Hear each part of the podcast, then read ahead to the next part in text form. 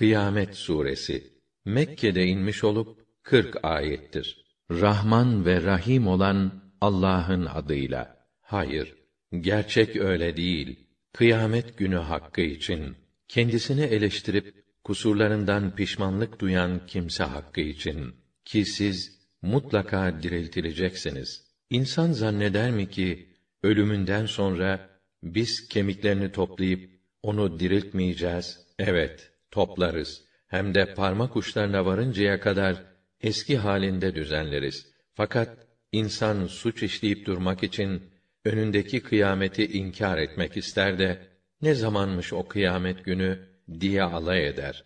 Gözler kamaşıp karardığı, ayın ışığının büsbütün gittiği, güneş ile ay yan yana getirildiği zaman işte o gün insan der: Var mı kaçacak mekan? Hayır, sığınacak hiçbir yer yoktur. O gün varılacak yer ancak Rabbinin huzurudur.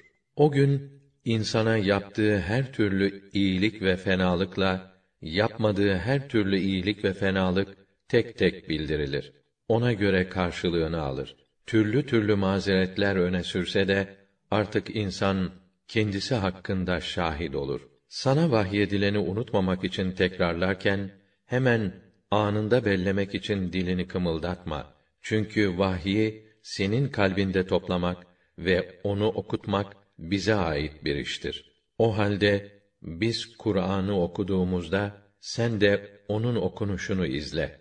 Ayrıca onu açıklamak da bize ait bir iştir. Gerçek şu ki siz bu peşin dünya hayatına çok düşkünsünüz. Onun için ahireti terk edip durursunuz. Yüzler vardır. O gün pırıl pırıl. O güzel ve yüce Rablerine baka kalır ve nice suratlar vardır. O gün asılır, belini kıran darbeyi yediğini hisseder. Hayır, hayır. Ne zaman ki can boğaza gelir, işte o zaman can çekişenin yanındakiler bunu iyileştiren, kurtaran yok mu der. Artık ayrılık vakti geldiğini kendisi de anlar. Bacağı bacağına dolaşır. Ölüm acısıyla kıvranır. O gün sevkiyat doğru Rabbinin divanına olur.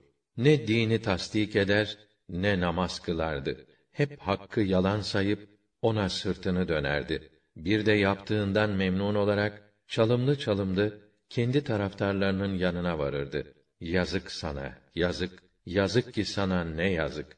İnsan başıboş bırakılacağını mı sanır?